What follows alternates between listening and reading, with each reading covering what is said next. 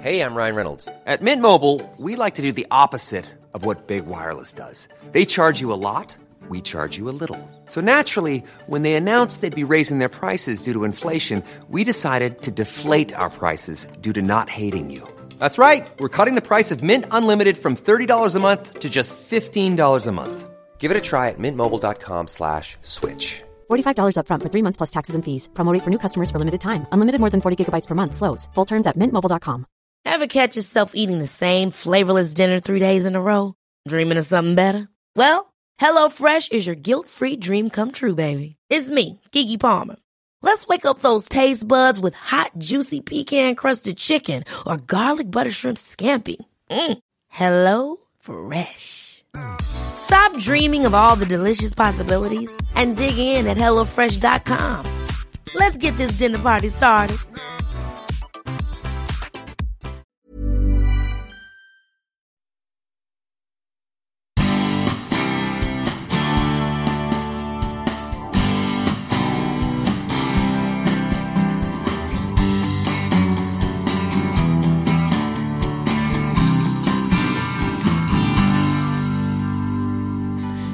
Kina eh, är ju ett påtagligt hot kopplat till exempelvis vår försvarsindustri.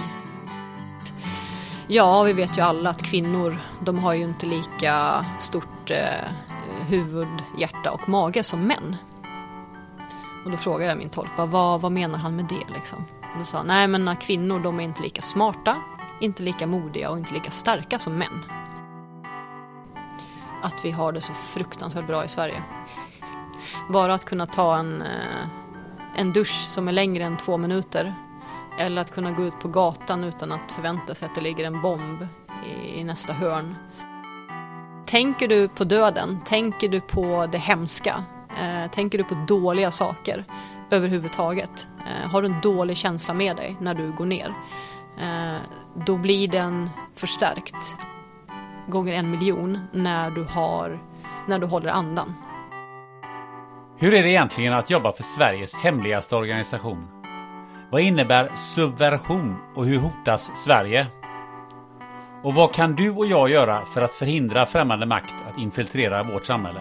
Li Kalsén ger en bild inifrån Must som samtidigt får oss att förstå att det här handlar inte om James Bond. Men vi pratar givetvis inte bara om Must utan också om hennes nuvarande uppdrag som Head of Security på organisationen Kvinna till Kvinna. Vad hon upplevde under sina missioner i Afghanistan och hur du kan använda löneförhandlarhjälmen nästa gång du diskuterar med din chef. Innan vi drar igång, podden har en ny samarbetspartner i Life Genomics som bland annat erbjuder covid-tester på Arlanda och Landvetter. Mer om det senare, för här kommer Li Kalsén.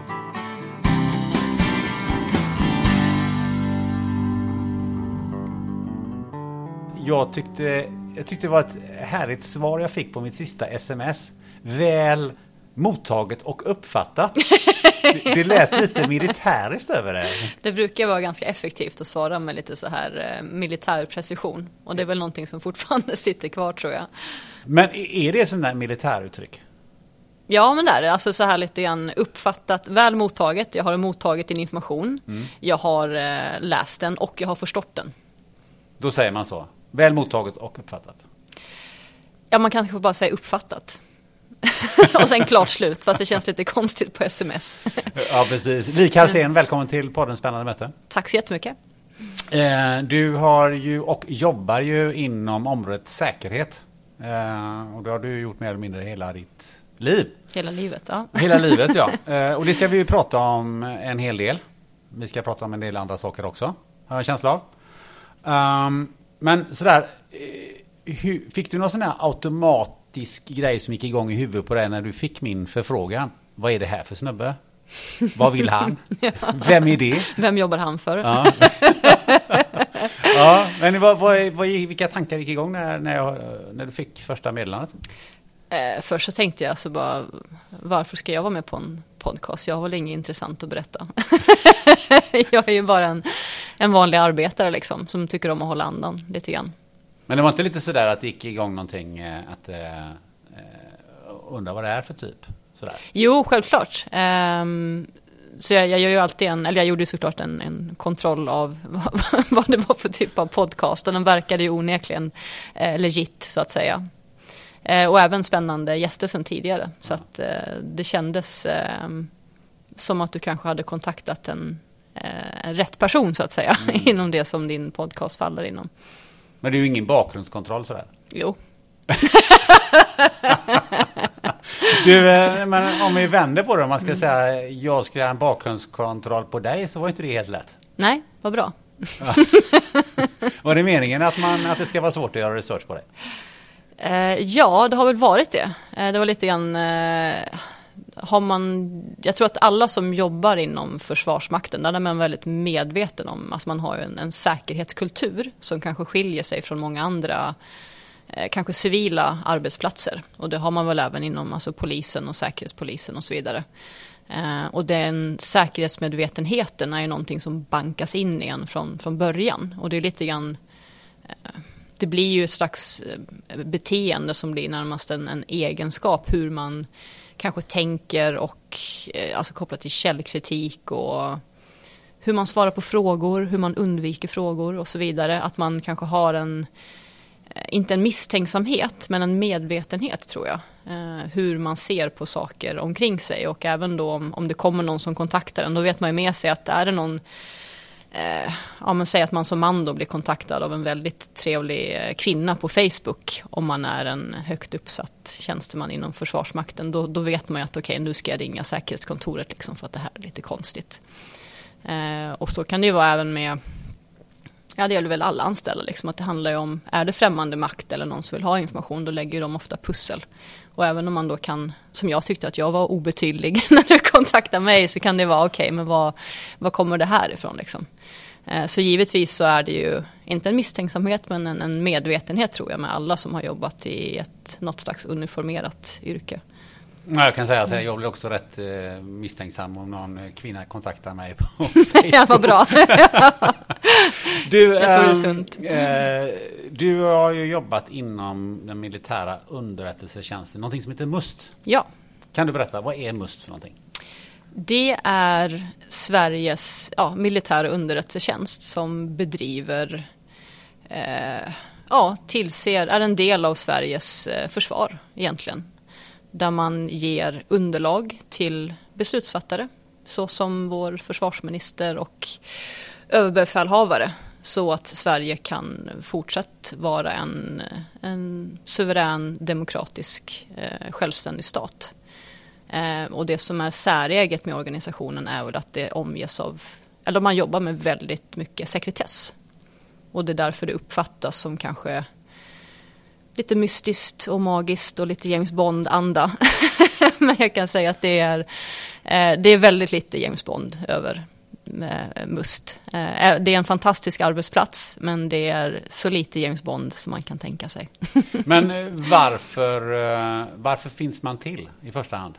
Must. Mm. Det är ju framförallt som jag sa att kunna, man bedriver ju en viss typ av Eh, inhämtning under vissa eh, väldigt reglerade former. Vi har ju en eh, alltså försvarsunderrättelsedomstol i Sverige som många andra länder inte har. Där det är reglerat hur man inhämtar, i vilket syfte. För det blir ju en inskränkning på, på människors och staters liksom, ja, men rättigheter som är reglerat så att säga. Så det behövs ju för att kunna verka för att skydda svenska medborgare och Sverige som suverän stat. Så man får inte liksom göra lite som man vill? Absolut inte. det är väldigt reglerat. Vi är väldigt på framkant inom Sverige skulle jag säga kopplat till just eh, hur eh, öppet och transparent MUST är kopplat till många andra underrättelsetjänster runt om i världen. Det finns väldigt väl eh, reglerat. Är det bra eller dåligt? Det är jättebra och det är jätteviktigt. Varför det?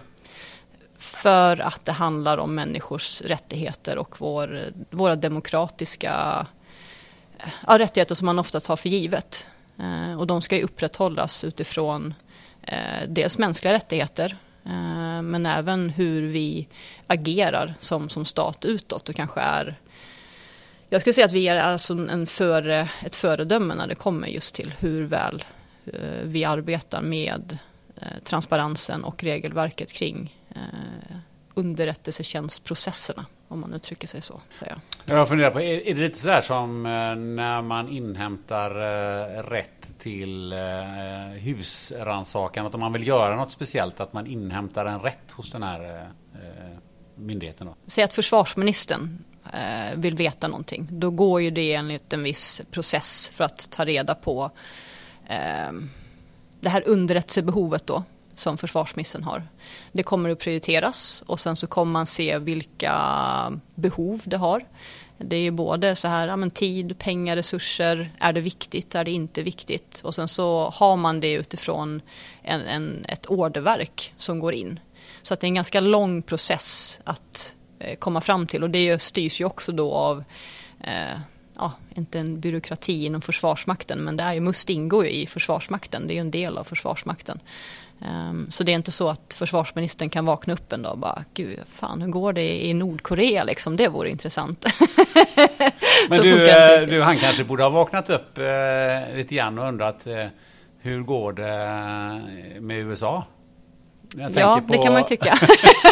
Jag tänker på eh, det som just nu är, är aktuellt, att, eh, att man har upptäckt att det funnits ett spioneri från från USAs sida på bland annat på försvarsministern. Precis, och det var lite det som jag, eh, när man tittar just på som jag nämnde, man kollar ju på det som är okänt, alltså främmande, eh, främmande makt så att säga.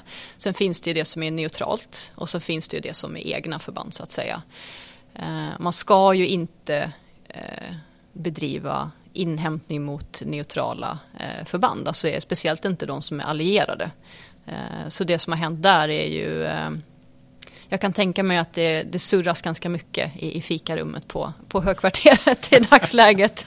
ja, men det, det, det man då som utomstående och, och lekman eh, funderar över lite på eh, ett, en, några tv-kanaler gräver fram någonting som underrättelsetjänsten uppenbarligen inte hade grävt fram.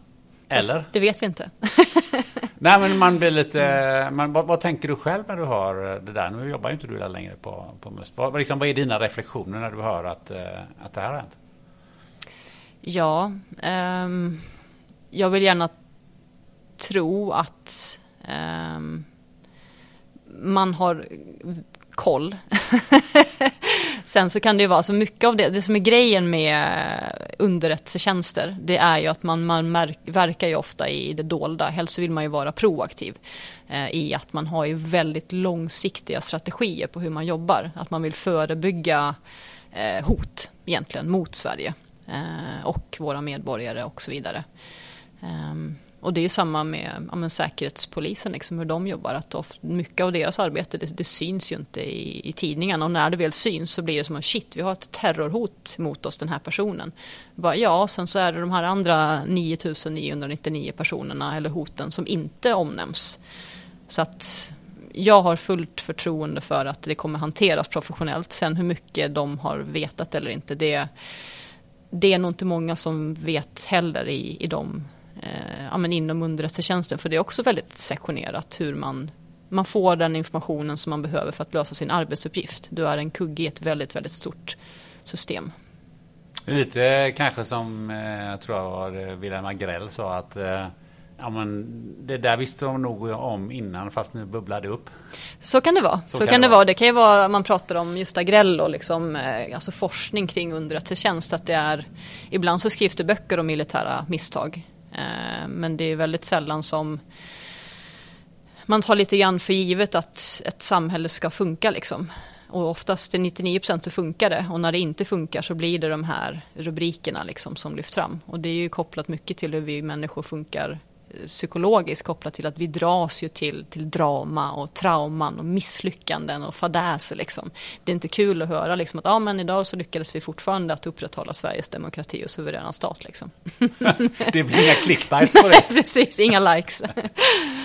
men eh, tillbaka till uh, MUST. Vad för typ av uh, um, vad är för typ av säkerhetshot som, som kan finnas mot uh, Sverige? Det uppdateras i, i de här strategierna och senast eh, två eller tre år sedan så kom det ju ut för första gången ett samlat, en samlad strategi för hur vi ska möta olika typer av hot. Eh, en nationell säkerhetsstrategi. Eh, och där beskrivs en mängd olika hot. Och det kan ju vara allt ifrån eh, terrorism, eh, subversion, eh, även alltså miljön tas upp. Och sen det som man pratar, eller mm, ja, inte hybrida hot, men det som oftast faller in i så här gråzonsproblematik. Att det kan vara det här lågintensiva, inte uppenbara hoten utan att det ligger lite grann på ytan, eller så här under ytan, förlåt.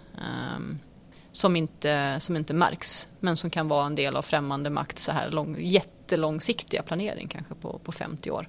Så det står väldigt väl beskrivet i, i, i strategin. Och då är det som sagt inte bara aktörsdrivna hot utan även icke-aktörsdrivna hot som beskrivs. Vad innebär, vad innebär icke-aktörsdrivna hot? Vad är det för Det kan ju vara eh, miljön eller eh, klimatet exempelvis. Eh, tittar man på exempelvis dagens flyktingströmmar så är det ju inte bara alltså, krig och kris utan det är ju även på grund av väderomställ eller klimat rättare sagt och även eh, miljöpåverkan. Att man inte kan bo kvar där. För det behöver inte vara att en byggnad eller ett hem går i bitar på grund av att det är en, en, en robot eller granat som briserar utan det kan ju vara en översvämning. Eh, jag tänker om man läser på Musts eh, webbsida så, så har man delat in det där i, i, i fem delar. Alltså underrättelse eh, från främmande makt. Mm. Man pratar om kriminella hot, sabotage, subversion. Som du får förklara vad det är för någonting. och, och terrorism. Mm. Ehm, jag börjar med subversion. Vad är det för någonting? Det är ju när man försöker omkullkasta den styrande makten i ett land. Och då kan det ju vara att man försöker eh, få den styrande, ja men som i Sverige, regeringen att verka eh, ja, men dålig egentligen. Är det att, typ statskupp eller? Är det... det kan vara en, en statskupp men då är det ju det här eh, direkta. Det kan vara att man försöker underminera den, alltså den styrande makten, att få dem eh, att eh, verka ja, men opolitliga eller icke trovärdiga. Vad, vad, kan du ha några exempel på det? Det kan vara um, exempelvis uh, att uh, Stefan Löfven uh, har tagit mutor. Han är korrupt, han är inte trovärdig som vår högsta, eller som vår statsminister. Eh, han borde få, få avgå. Och då kan det vara propaganda från, från främmande makt där man har lagt fram ja, förfalskade dokument som tyder på att han har genomfört korrupta aktiviteter. Den, den kriminella delen, hur, hur, vad är det man bevakar där? Är det rena kriminella gäng eller vad är, vad är det för någonting man... Eh, för det är ju inte någonting som hotar Sveriges säkerhet på det sättet. Utan är, det inte någonting som polisen gör? Det är precis, allting som är alltså nationell säkerhet det är ju eh, polisen och säkerhetspolisen som jobbar. Sen är det ju Försvarsmakten är ju vid gränserna och inom eh, precis utanför våra gränser. Sen kanske de Försvarsmaktens sensorer sträcker sig långt utanför våra gränser i form av eh, ja, men insatser i, ja, men som i Mali där vi är nu och Irak och så vidare. Eh, kriminaliteten kan ju vara att kriminella nätverk i dagsläget eh, de jobbar ju ofta internationellt eh, och då krävs det ett samarbete mellan polisen och militären och Säpo. Eh, sen kan det ju vara eh, exempelvis cyberkriminalitet för det är ju också en typ av eh, så här icke-fysisk som man kan ta på. Den distinktionen blir än mer viktig då att man, man samverkar mellan de, eh, alltså ja, polisen och militären och där de resurserna finns. Om man tänker på främmande makt. Um, jag har ju haft några i eh, podden som har yttrat sig om uh, vad de största hoten och vilka länder de kommer ifrån. Uh, vågar du dig på en, uh, en utläggning om det? Som nu när jag är civil, jag är fortfarande reservofficer men jag jobbar som sagt inte längre på MUST. Det jag läser i öppna källor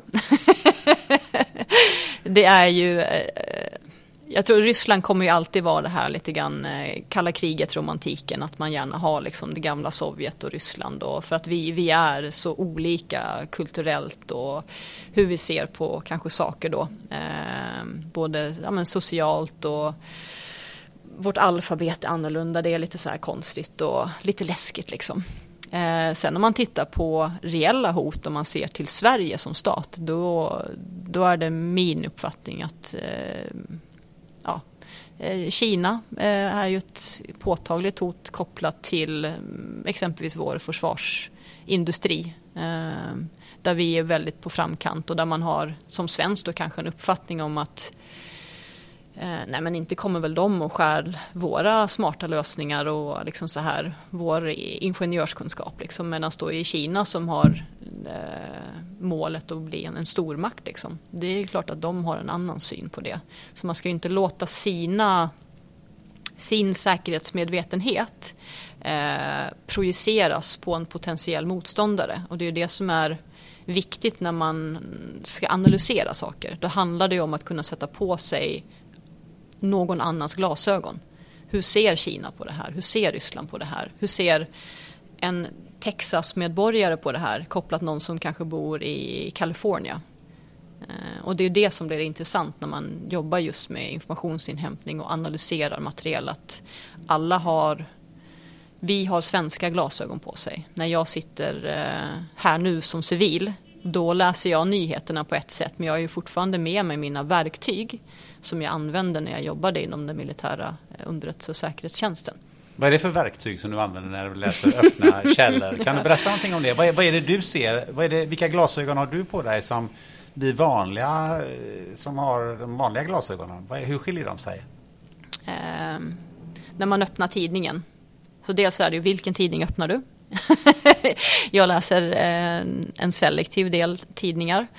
Eh, och sen kollar jag alltid på var källan kommer ifrån, om man kan bekräfta det, om det är någonting som, som kanske ser konstigt ut. Och sen återigen, vad, vad är syftet med den här informationen?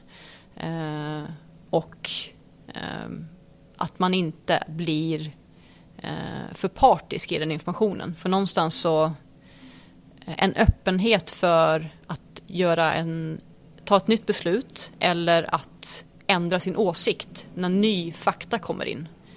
Det är en sån grej som, man, som jag tycker att eh, forskare eller universitetsstudenter och analytiker i regel är, är bättre på än eh, jag ska inte säga vanliga människor, det låter jättefel, men man har en högre medvetenhet om kanske information på ett annat sätt.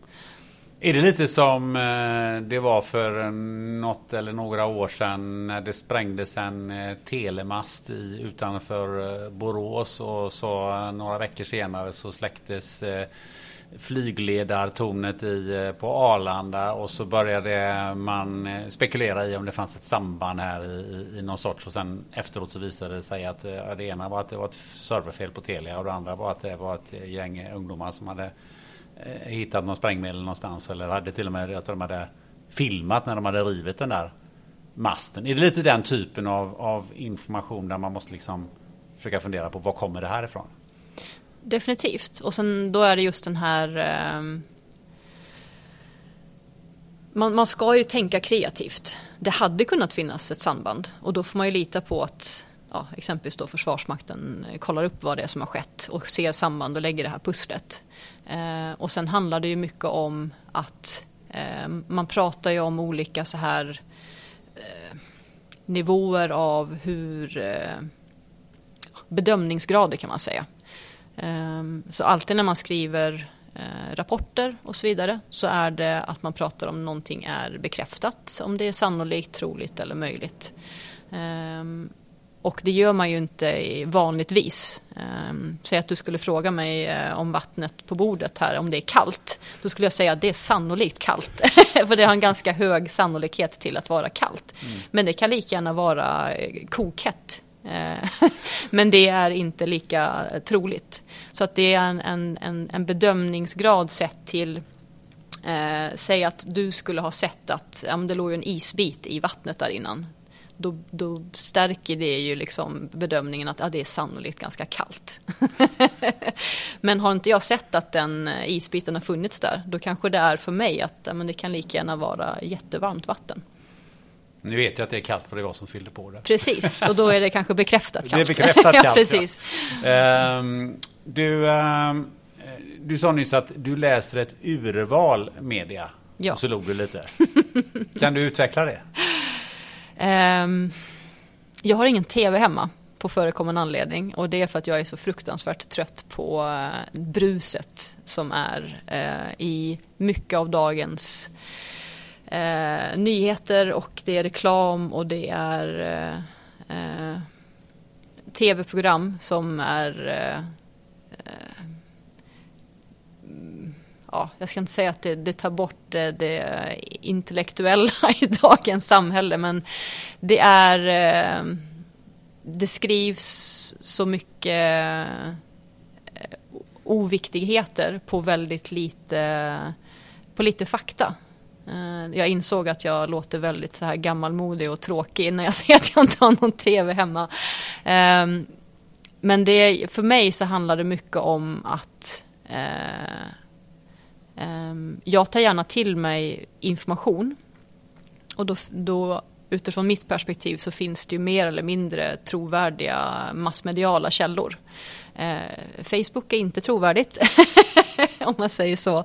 Eh, så jag tror att det i sig är också en farlighet i att man, eh, man sållar bort det som, man, som inte passar en själv. Så jag kanske borde läsa exempelvis, eh, om man säger nu, nu namedroppar jag lite här, men Aftonbladet och Expressen. Eh, när de skriver om vissa saker, för de har ju rätt ibland så att säga. Men det är ju inte deras huvudsyfte att skriva kanske om det som jag tycker är intressant och därför väljer jag bort den massmedien. Sen så läser jag ju fortfarande den typen av tidningar. Men inte för, om det inte finns en annan eh, källa till det så att säga. Men var, var hämtar du din information någonstans ifrån då? Som du vill veta om dag, nyheter idag? Eh, ja, bara jag läser Omni exempelvis som är en, eh, ja, en sammanställning av den jättebra app tycker jag. Eh, Svenska Dagbladet, DN, eh, Dagens Industri, eh, även internationella källor. Och sen får jag ju väldigt mycket information kopplat till mitt, eh, mitt jobb som säkerhetschef på, på Kvinna till Kvinna.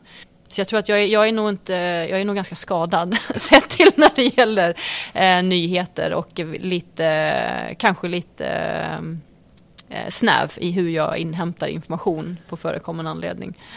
Eh, du, du säger att du är skadad, men, men eh, hur, hur pass skadad blir man om man jobbar på, på ett ställe som, som Must? Jag tänker på rent eh, personligt och då menar jag inte skadade kanske i den, i den skadade bemärkelsen utan mer liksom så här, jag tänker um, hur, hur hanterar man att man faktiskt jobbar på ett ställe där man inte kan prata så mycket när man umgås med, med folk där ute, går på krogen eller vad man nu gör för någonting. Hur, hur kan man säga det? Men jag jobbar på jag var på Must. Jaha, vad är det för något då?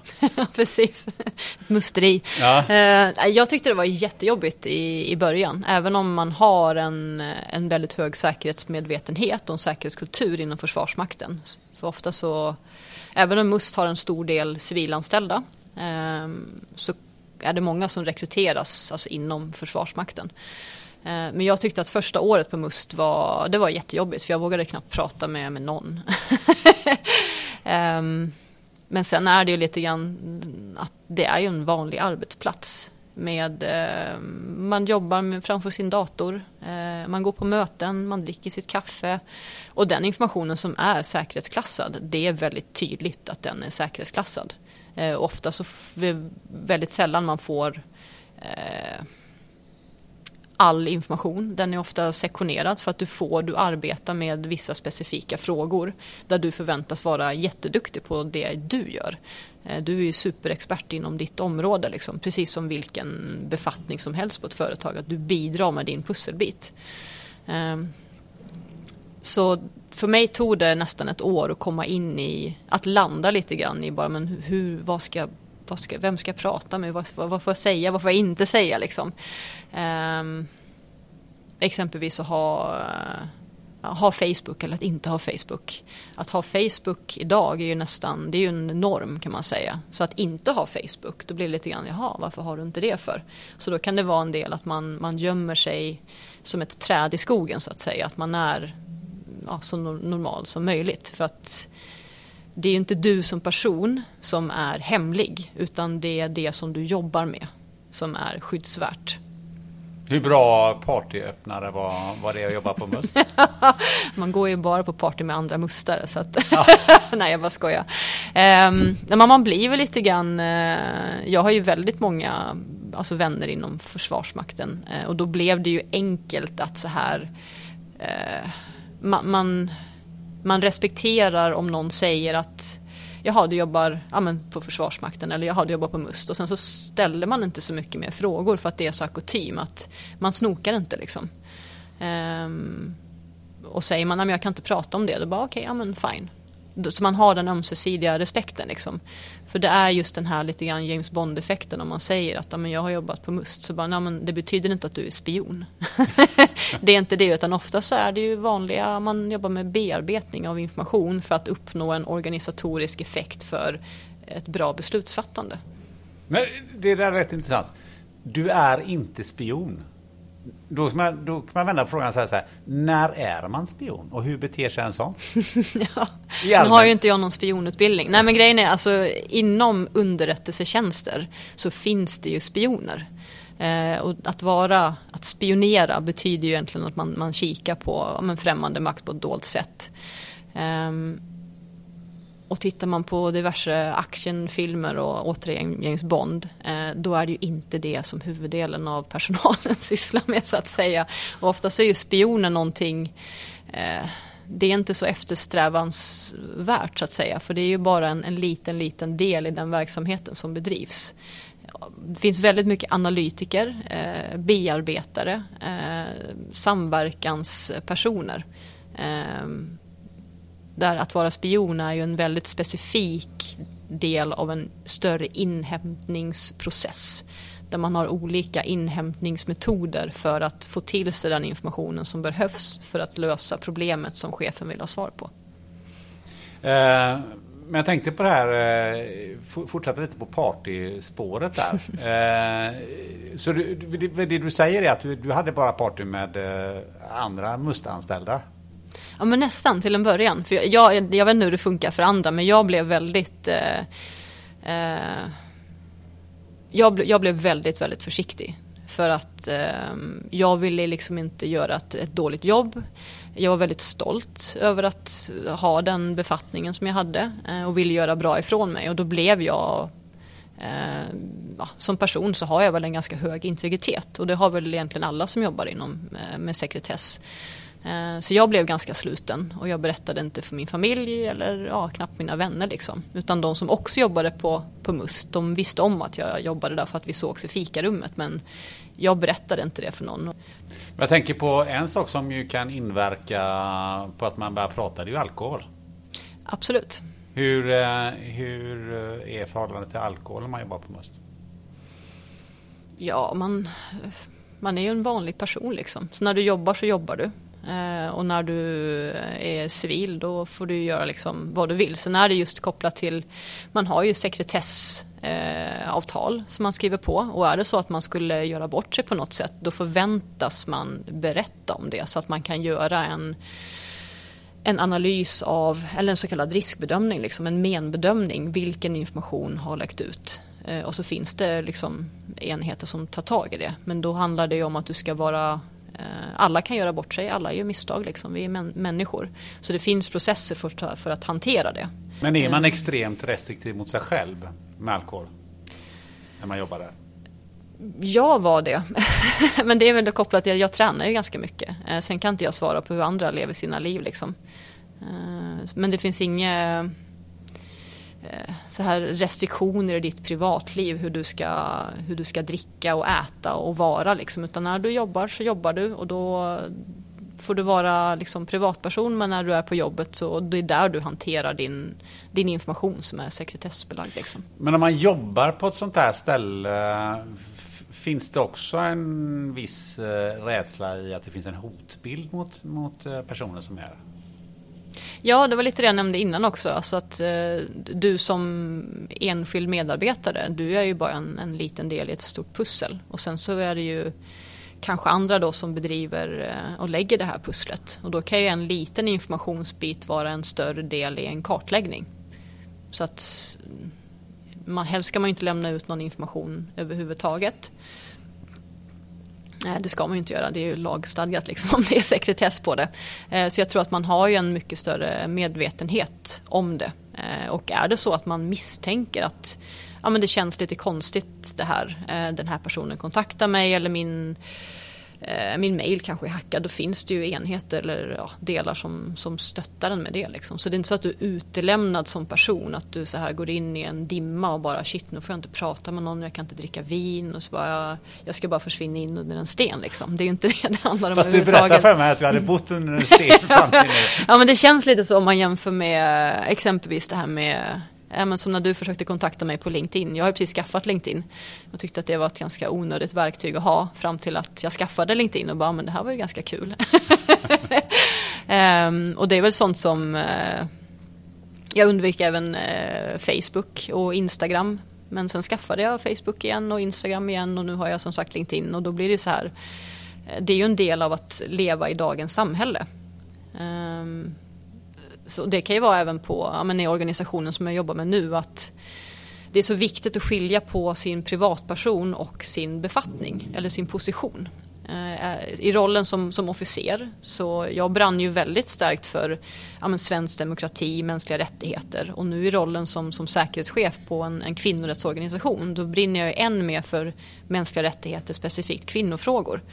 Eh, och jag har ju ett intresse av att, att främja de här frågorna men då representerar jag ju inte min organisation om jag inte är på arbetsplatsen. Utan då är jag ju privatpersonen Li som har ett visst intresse på Facebook där det poppar upp kanske så här annonser från, eh, ja men nu rekryterar Försvarsmakten reservofficerare eller så dyker det upp någonting på LinkedIn att ja men nu söker de eh, ja, en säkerhetschef på, någon, på eh, ja, men Rädda Barnen eller någonting. För att jag har det intresset.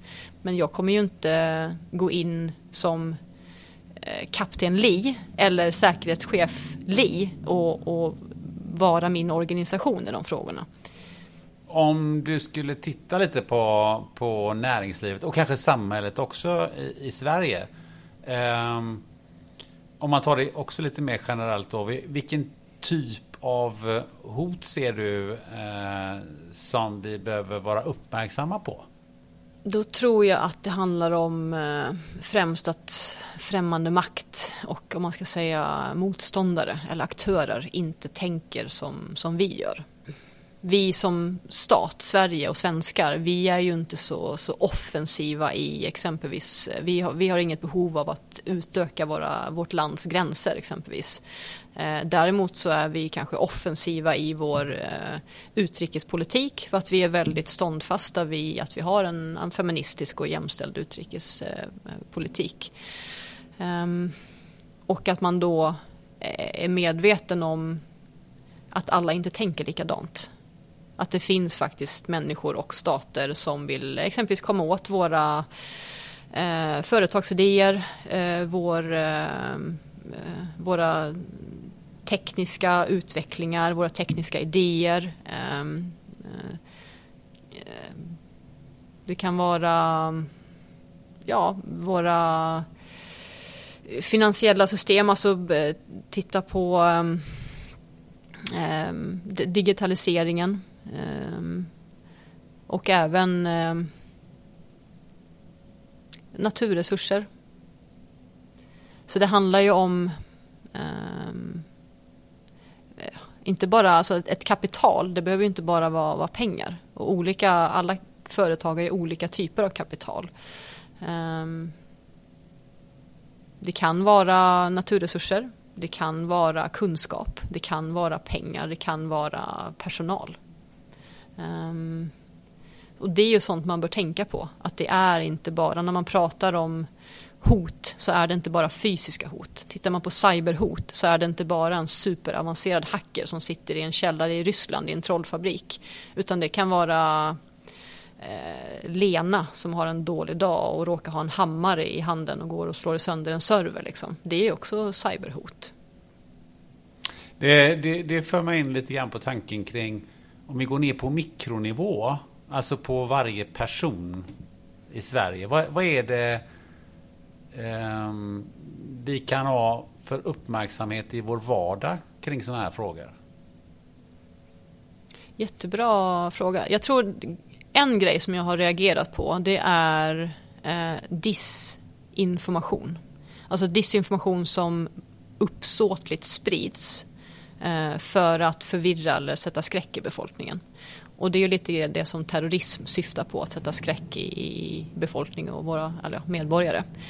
Ett exempel på det var eh, det var någon månad sedan där det gick ut, jag fick information av en kompis som skickade att eh, jag har en god vän vars far jobbar i eh, underrättelsetjänsten. Han har berättat om ett möjligt terrorangrepp så gå inte ner på stan idag. Och jag direkt, jag brann ju av och bara, är du helt jävla dum i huvudet? Förlåt men hur kan du skicka sån information? Det här är ju uppenbart miss, alltså disinformation. Um, och det är så enkelt att sätta skräck i människor på det sättet. För att min kompis ville ju uppenbarligen väldigt väl. För att hon trodde ju att hennes, personen som hon hade fått av, hade en kompis som jobbade kanske då på Must eller om det var Säpo. De har ju inte koll så. Eh, men det var ju, det var ju helt fejk. Och det var ganska många som fick. Jag fick det, det smset flera gånger. Och det, då blev det så här än mer uppenbart att sluta skicka runt det här, eh, den här informationen. För att då, då bidrar du till disinformationen. Och det är det som gör att när vi får information, då vill vi gärna dela den. För att vi vill göra väl eller för att vara med i svängen på eh, att bidra till eh, att, att hjälpa liksom. Men ofta så bidrar det ju tvärtom till att problemet blir större. Och det är därför det är så viktigt att man vid ja men säg kriser, det är inte bara inom försvarsmakten eller så här militärt eller polisiärt, det är även inom Ehm, om man säger att det skulle ske en, en dödslucka i min familj, då, då är det viktigt att man inte sprider eh, information som, är, eh, som man inte vet är sann. För då bidrar det till ett kaos.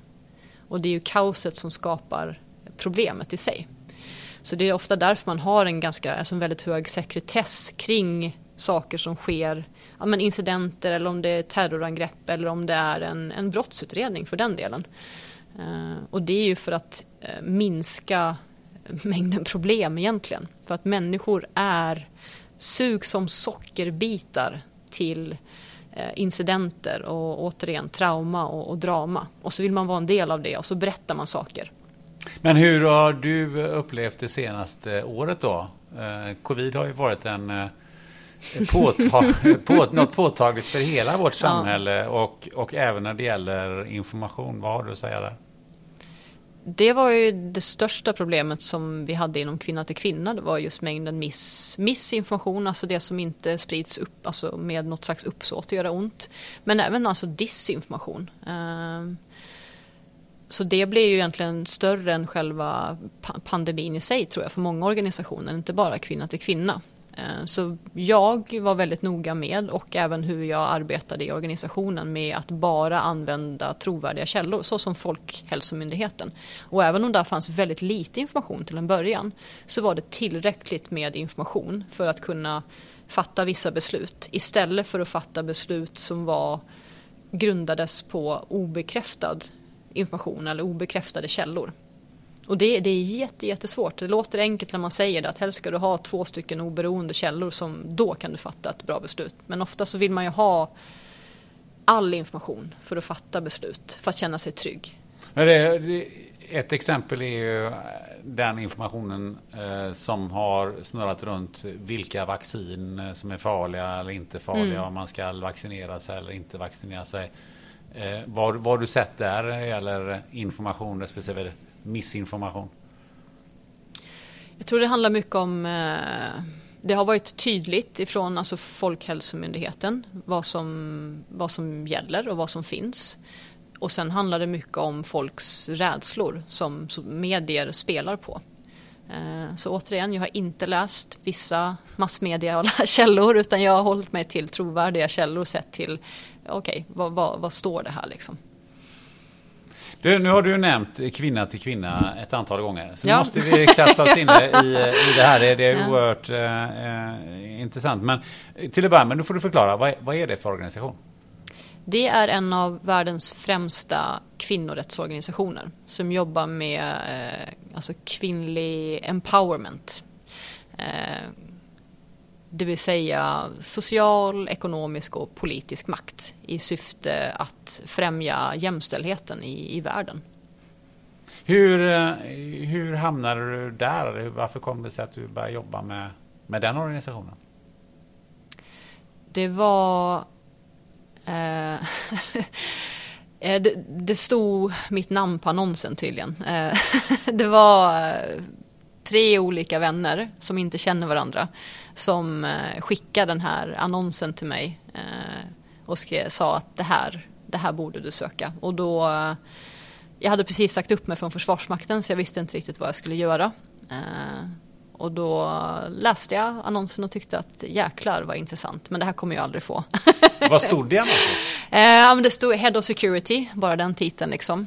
Eh, och att man skulle jobba med risk management, eh, global organisation, eh, Eh, kontor eh, i, i, olika regioner i världen, eh, ja, kopplat till kvinnorättsfrågor, alltså humanitär verksamhet, eh, civilsamhället som jag inte hade en aning om. Jag visste knappt vad det var för någonting. Jo, det visste jag. Men, eh, så för mig var det som en, på andra sidan eh, Rädda världen-skalan från Försvarsmakten. Fortfarande samma typ av så här värde, eh, alltså värdedrivet, men någonting som jag inte hade någon aning om liksom, eh, Eh, vad det var. De jobbade med eh, förändringsmetodik och eh, eh, en organisation med bara kvinnor dessutom. Men innan vi går in på lite hur, hur den organisationen ser ut. Vad, vad, tog du med dig från Försvarsmakten? Rättare sagt, tog inte med dig från Försvarsmakten när du tog det här jobbet? Jag tror jag tog väldigt mycket med mig till en början. Sen har jag fått eh, tvätta bort ganska mycket. Bara hur man pratar eh, och hur man eh, kanske uppför sig, inte uppför sig, men hur man kanske beter sig mot kollegor. Um, man säger inte väl mottaget och uppfattat. jag gör det, men de tycker det är roligt. Nej men det är alltså mycket så här, eh, alltså man använder vissa ord för att kanske uttrycka sig på ett effektivt sätt inom Försvarsmakten. Ehm, du har en tydlig struktur i eh, hur din rapportering ser ut, vad som förväntas av dig. Du har en namnbricka där det står din grad och din befattning. Och då förväntas du kunna vissa saker. Ehm, eh, din grad säger lite grann var i systemet du är eh, och så vidare. Eller vilken nivå du har och så vidare.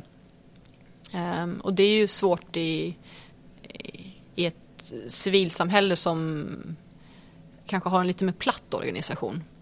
Så för mig var det en jättekulturomställning att komma till en, en organisation med, med, med, bara kvinnor.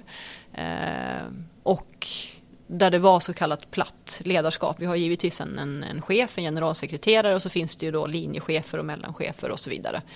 Eh, men man eh, man har helt andra processer i hur man jobbar.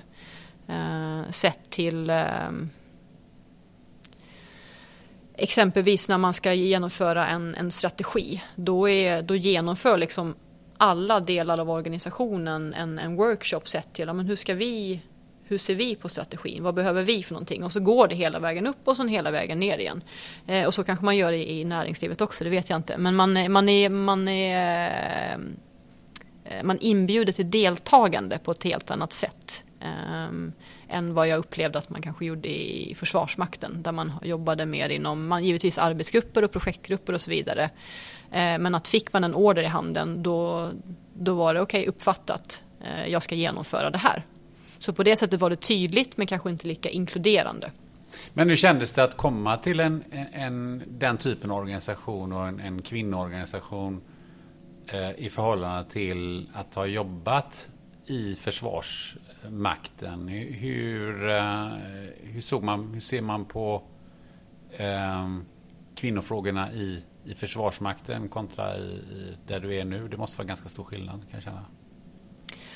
Ja, alltså grejen med just Försvarsmakten, där har man jobbat väldigt mycket med eh, att eh, ja, det man kallar för gender eller eh, jämställdhet sett till vilka delar av en befolkning och ett land som drabbas i en konflikt. Och ofta så är det ju civilbefolkningen som drabbas absolut hårdast.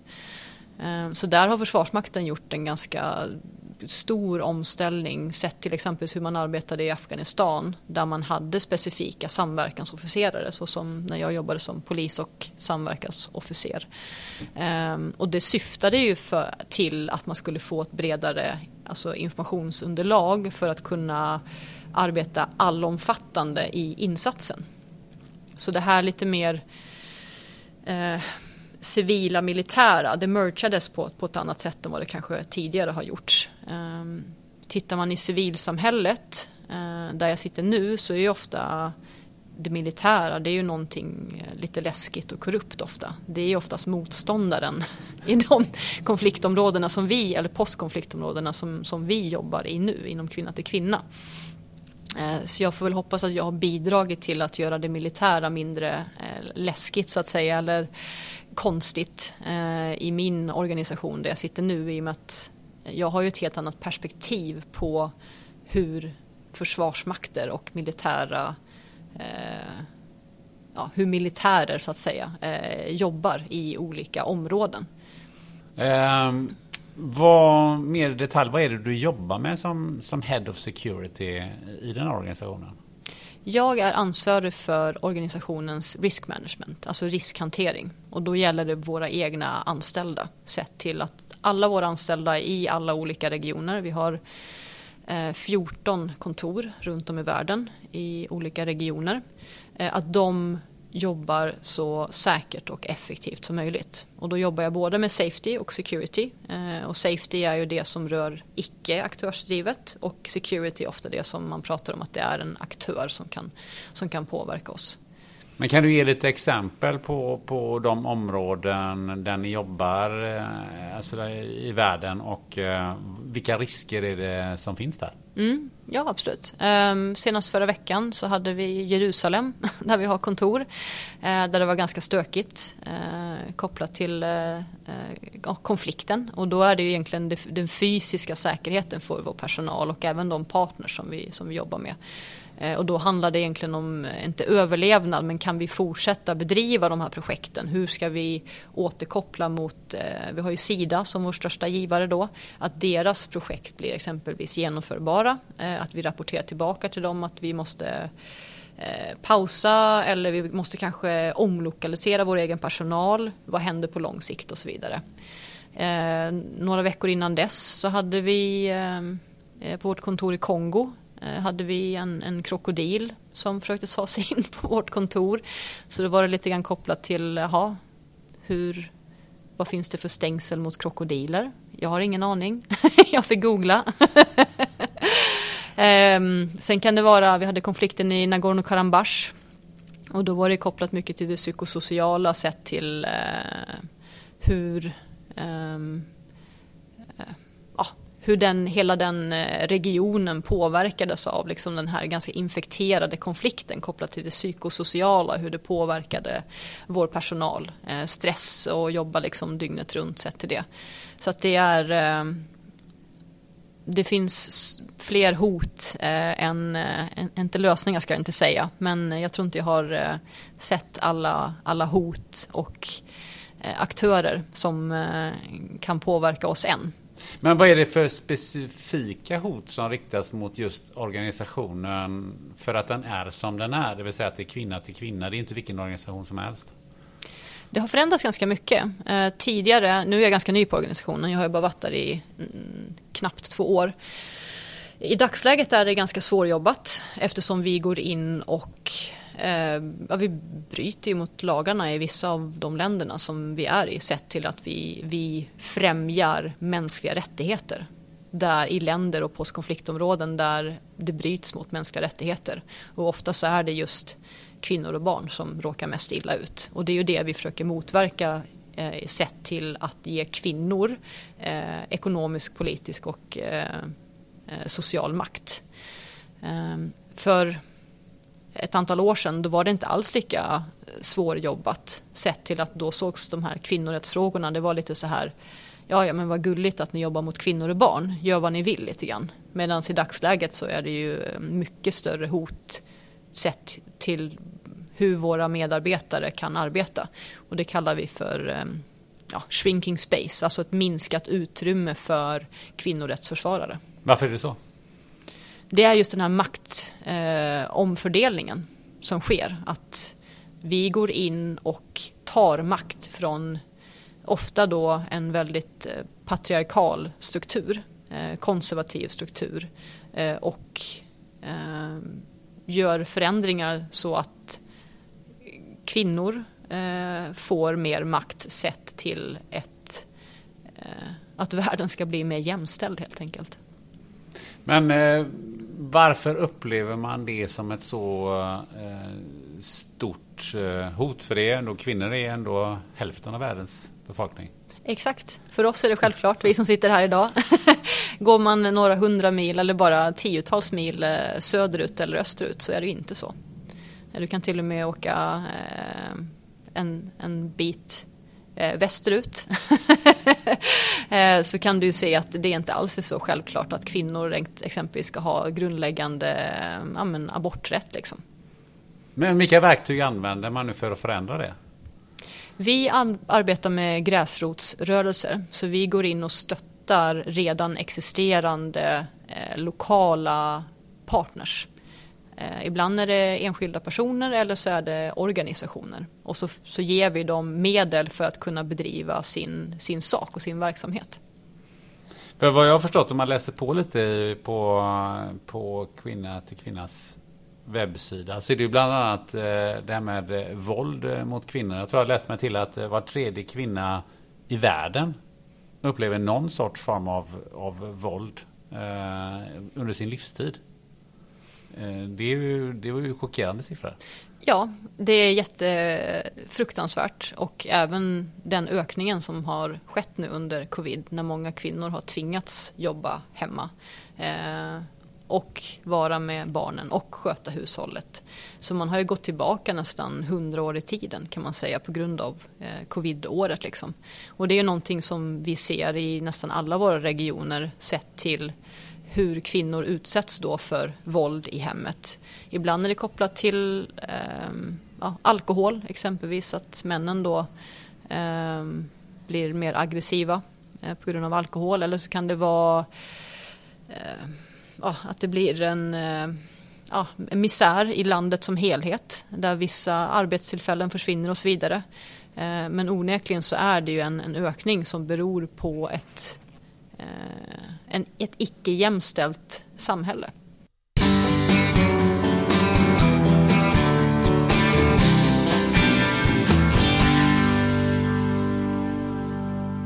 Den här podden sponsras av Life Genomics, ett akkrediterat laboratorium i Göteborg som bland annat erbjuder covid-tester. Har du precis bokat en resa på kort varsel och behöver PCR eller antigentest för covid-19? Ja, då kan du gå in på coronapassport.se för att hitta en vårdgivare i din närhet och boka tid för test och friskhetsintyg. Life Genomics har samarbete med ett 150-tal kliniker över hela Sverige. Och nu, nu kommer en nyhet. Om du reser från Arlanda eller Landvetter då kan du även testa dig direkt ute på flygplatsen vid Life Genomics labb i samarbete med vårdgivaren Express Care. Där kan du få ett antigentest med reseintyg inom så lite som 30 minuter och ett PCR-test och reseintyg inom 2 till 4 timmar. Så gå in på expresscare.se och boka din tid direkt. Tack Life Genomics!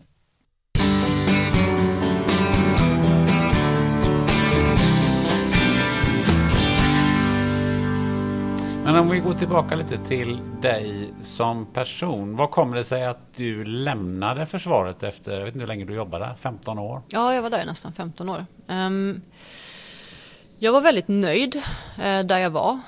Um, jag kände att jag hade uh, haft en, en, en, bra karriär, jag har fått uppleva mycket. Jag började ju som soldat, alltså jag började ju som 14. 14-åring med så här frivillig verksamhet, liksom. flygvapnet frivillig ungdom.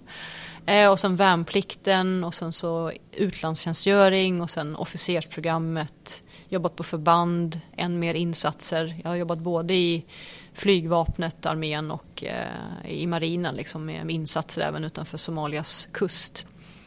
Och sen då MUST på strategisk nivå, högkvarteret. Um, så min vision någonstans det var att jag ville bli uh, militärattaché. motsvarande ambassadör utomlands då för Försvarsmakten.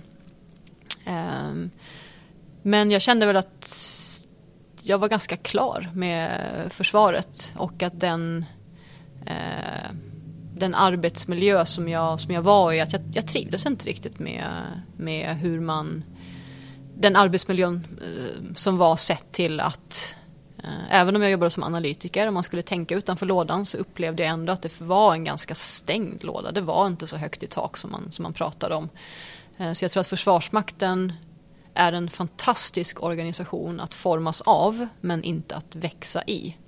Och det var det som blev uppenbart för mig när jag valde att, eh, att säga upp mig för ganska precis två år sedan. Hur kändes det? Bara säga upp sig sådär? Det var skitläskigt. Det var, det var en sån utomkroppslig upplevelse. Eh, det var givetvis, eh, alltså jag hade ju tänkt på det eh, alltså länge och väl. Och jag visste faktiskt inte vad jag ville göra. Jag visste bara att jag, jag ville inte vara kvar längre utan jag, jag var nöjd liksom. Så jag hade givetvis en, en dialog med min chef och de blev, tyckte det var jättetråkigt. Jag fick ett jättefint avslut. och ja, dörren liksom, den, den finns ju kvar liksom. Nu är jag ju fortfarande reservofficer inom eh, Försvarsmakten fast på amfibieregementet på, på amfibiebataljonen där. Um, så jag kommer väl delta på, på en övning senare i, i höst. Um, men det var, det tog ganska lång tid att ställa om Eh, försvarsmakts... Det blir nästan som en livsstil. Eh, som jag nämnde tidigare, många av mina vänner och bekanta har jobbat med Försvarsmakten. Jag gick militärhögskolan som är nästan som ett eh, Hogwarts för militärer när man bor på Karlbergs slott och så vidare. Och hela det här alltså mm, suget efter att förstå sin omvärld och liksom läsa nyheter, vara påläst och de här förståelse för andra saker än bara liksom Stockholm och Sverige. Det är ju fortfarande ett sug jag har men det blev ju än mer liksom, eh, alltså bejakat inom den, de befattningarna som jag hade. Liksom. Eh, och även den aktiva livsstilen sett till att Försvarsmakten är jätteduktig på att eh, eh, Alltså fysisk träning får man ju på arbetstid. Eh, minst om det är två och en halv eller tre timmar i veckan som man skulle träna. Ehm, man kunde delta på tävlingar, jag gjorde svenska klassikern med Försvarsmakten. Ehm, så massor av de delarna försvann ju lite grann när man sa upp sig. Sen är det fortfarande någonting som jag, som jag tar med mig. Ehm, men det var ju också, det var ju bara ett jobb så att säga. Jag, jag, är inte mitt jobb, jag är fortfarande inte bara mitt jobb. Jag är ju inte det jag gör utan jag är ju en, en, en li liksom. Men hur skulle Li beskriva sitt engagemang i det du jobbar med idag jämfört med eh, när du var i, eh, inom Försvarsmakten? Jag skulle nog säga att jag, jag tar på mig min, min uniform lika mycket på detta jobbet som mitt förra jobb. Att jag går ju in i min eh, befattning. I Försvarsmakten så blev det ju tydligt för att du faktiskt tar på dig en uniform och så blir du liksom, då var jag kapten Li. Nu är jag ju eh, säkerhetschef Li. Eh, där jag, när jag jobbar så jobbar jag liksom motiverat och effektivt och sen så när jag inte jobbar då, då stänger jag av jobbet liksom. Ja, för det måste ju vara en speciell förmåga att kunna stänga av jobbet när man jobbar med den här typen av organisation nu, är det, svår, är det svårare att stänga av jobbet här än vad det var i, eh, när du var i försvaret? På ett sätt är det det, eh, sett till att ehm, jag är ju onekligen kvinna. Så jag ser ju lite grann den här problematiken som vi jobbar med, de här jämställdhetsproblemen eh, som faktiskt finns i Sverige som jag själv har blivit utsatt för. Ehm, och då blir det ju påtagligt på ett annat sätt. För exempelvis när jag var iväg på, på insatser i, ja, i Afghanistan och, och sådär, då hade jag ju alltid på mig en uniform så jag var ju inte där som privatperson Medan nu när jag är, eh, även om jag är civil så att säga, så är jag ju fortfarande, jag är ju feminist. Och jag brinner för kvinnorättsfrågor, jag brinner för mänskliga rättigheter. Så det är ju inte så att jag sitter och trollar på Facebook och skriver hetsiga kommentarer att jag hatar män, för det gör jag verkligen inte. Eh, eh, feminismen hatar inte, handlar inte om att hata män, utan tvärtom. Du, något som gjorde mig nyfiken när du sa nu, eh, som du har blivit utsatt för själv, vad, vad är det för någonting? Jag tror att i, i Sverige så har vi nog en, en, ganska god tro på oss själva som att vi är extremt jämställda. Och det är vi jämfört med många andra länder och, och kulturer för den delen. Sen om man tittar på svenska samhället i stort så sker det ju onekligen diskriminering. Eh, och det jag tröttnade på inom exempelvis Försvarsmakten var att eh, mina ord vägde inte lika tungt som mina manliga kollegors i många fall. Att jag kunde säga och uttrycka saker eh, som inte togs emot sam, på samma, med samma kraft som om min manliga kollega sa precis samma sak fem minuter efter. Och då blev det lite grann som att jag behövde jobba i uppförsbacke hela tiden. Att man hela tiden behövde överbevisa sig själv för att vara kunnig och kompetent. Eh, och jag vet ju med mig att jag, jag var jätteduktig på det jag gjorde då och jag är jätteduktig i det jag är nu för att jag är välutbildad och eh, påläst och så vidare. Eh, har en hög arbetsmoral. Men det var onekligen en, en skillnad på hur jag uppfattades kontra hur mina manliga kollegor uppfattades. Och det var någonting som låg undermedvetet och gnagde eh, under en ganska lång period.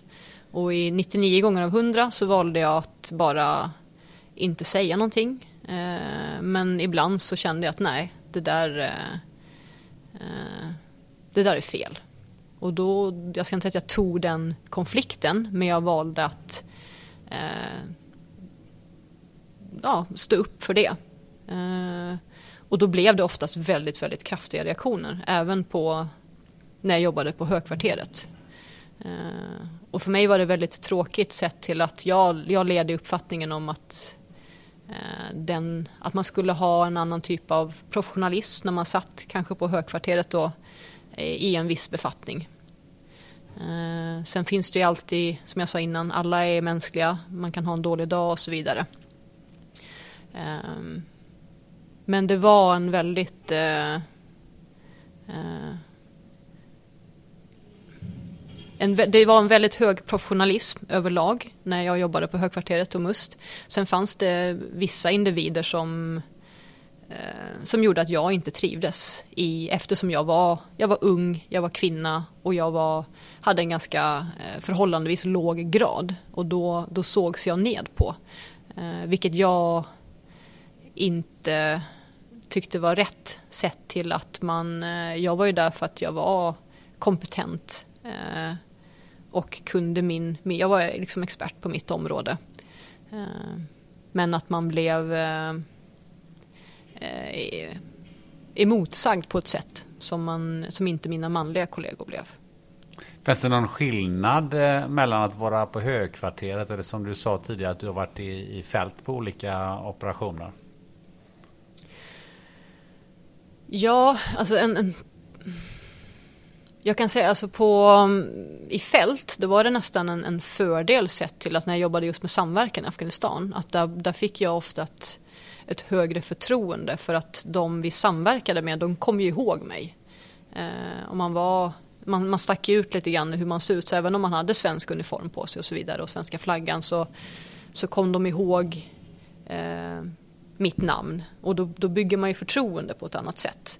Plus att jag kunde ju prata med även ja, män och kvinnor på ett annat sätt. Eh, och det kunde ju inte mina manliga kollegor just på grund av ja, de kulturella skillnaderna där. Eh, så där var det oftast kanske en fördel och de motsättningarna som kanske fanns då, de var ju mer eh, om man tittar här internt om vi, om vi pratar om, om jämställdhetsfrågor, hur man behandlar sina, sina anställda och så vidare. Där var det så här, ja, men subtila saker som man, som man kanske har när man har bott tillsammans på en camp i sex månader. Liksom. Det är man ganska less på varandra. Eh, så det var lite mer hanterbart tror jag.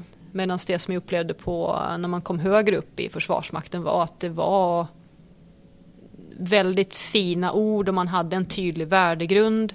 Eh, och det som sker på ledningsstaben med, med överbefälhavaren, jag är övertygad om att det är eh, fantastiska människor som jobbar där men att det kommer inte riktigt ner på de, på de inte lägre nivåerna men hela genom alltså i linjeorganisationen. Just för att det är så himla många nivåer av eh, chefer i Försvarsmakten. Men eh, det som slår mig lite här nu när du säger att du kunde fungera bättre i Afghanistan eh, till och med än dina manliga eh, kollegor. Eh, Afghanistan är väl kanske inte direkt eh, känt för att respektera kvinnor och vad kvinnor säger. Hur hänger det ihop? Det är mycket kopplat till att du är ju en, en, en uniform. lite grann. Du representerar ju en, en makt, en försvarsmakt, ett land. Um, och då, då får du ju med dig den rollen. Och då blir det ju också en del i att du representerar någonting, du har en uniform på dig, lite grann som ett, ett skydd och en maktprojektion. Och sen så är du ju en individ som de kanske tycker är lite mer spännande och de kommer ihåg ditt namn och de känner igen dig. Och det blir ju som på vilken eh, kostymfest som helst. Att alla kanske är där på samma villkor men personen som sticker ut lite grann kanske är den som du, ja ah, just det, där är Nisse eller Kajsa liksom. Och då bryter du lite grann den barriären. Det blir en icebreaker kan man säga. Men det var inte så att det är som att män eh, alltså, som, som kom från Afghanistan liksom, stod ner på dig för att du var kvinna. Utan uniformen stod över så att säga din kvinnlighet där. Det är så du ska beskriva det? Det berodde lite på sammanhanget. Um, exempelvis när vi träffade eh, mullor eh, och så vidare. De vill ju inte ta mig i hand eh, för att jag var kvinna. Eh, och då får man ju respektera det. Eh, det var inga problem så. Ehm, sen kunde det ju vara andra eh, situationer. jag kan berätta om mitt, mitt första möte med en polischef i Afghanistan. Uh, jag, man får ju så samverkansutbildning när man, innan man åker iväg på insats och då tränas man ju med tolk och så vidare hur man ska föra sig och hur man ska sitta, vad man ska ställa för frågor och så här. Och sen så ska man ju då samverka skarpt så att säga på plats i Afghanistan i något eh, jättevarmt liten kontorslokal liksom. Och då var det en tidigare vi tror att han var tidigare ja, talibanledare eh, liksom som hade lyckats bli polischef, polischef på något sätt. Eh, och det första han säger till mig är då via tolken att ja, vi vet ju alla att kvinnor de har ju inte lika stort eh, huvud, hjärta och mage som män. Och då frågade jag min tolk, vad, vad menar han med det liksom? Och då sa han, nej men kvinnor de är inte lika smarta, inte lika modiga och inte lika starka som män.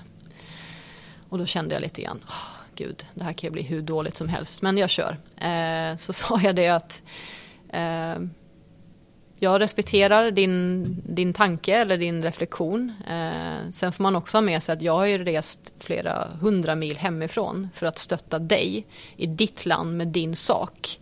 Eh, och lämnat min familj eh, och min trygghet för att kunna verka för er sak och göra ert land starkare och bättre för alla. Eh, och då blev han tyst. Och så tänkte jag, fan, nu har jag gjort bort mig här. Men sen började han asgarva och tyckte att det var, det var sant. Och det var modigt, starkt och hjärtligt sagt. Så efter det så blev vi så kallade kompisar.